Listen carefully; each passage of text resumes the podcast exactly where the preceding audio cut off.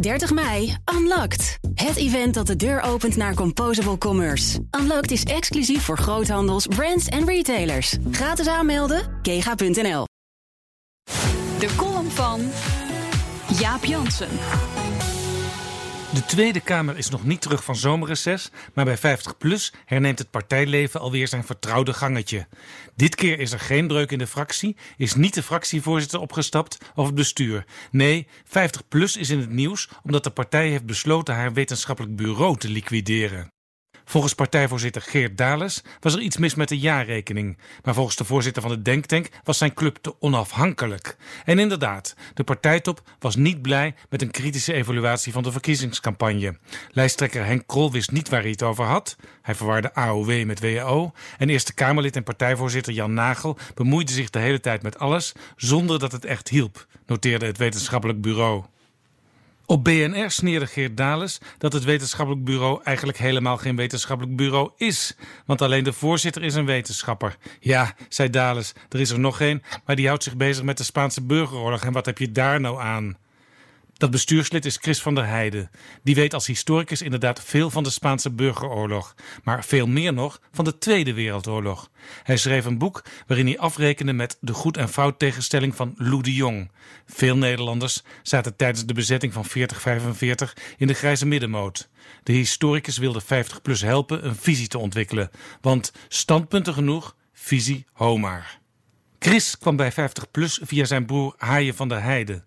Die had in de Volkskrant een positief stuk geschreven over Geert Wilders. De PVV had goede ideeën, maar Wilders bracht het te onvriendelijk en niet aardig. Haaien wilde als Kamerlid bij 50PLUS gaan werken aan een alternatief. Henk Krol beloofde hem plek 7 op de lijst, maar toen Haaien bij de sollicitatiecommissie de loftrompet stak over Trump en over de Filipijnse dictator Duterte, werd hij geschrapt. Via Haaien had Henk Krol inmiddels boer Chris leren kennen en die kreeg wel een functie. Hij kwam bij het wetenschappelijk bureau. Los van zijn kwaliteiten geeft dit verhaal aan hoe rommelig het eraan toegaat in een niet in de samenleving gewortelde partij als 50PLUS. In de PVV, Denk en het Forum voor Democratie gaat het niet veel anders. De directeur van Baudet's Renaissance Instituut is Paul Cliteur, die Baudet begeleidde op de Leidse Universiteit. Cliteur hield een tijdje terug een congrestoespraak met een vergiet op zijn kop. Je kunt erover twisten of er wel zoiets bestaat als partijwetenschap en of de overheid daarvoor subsidie moet geven.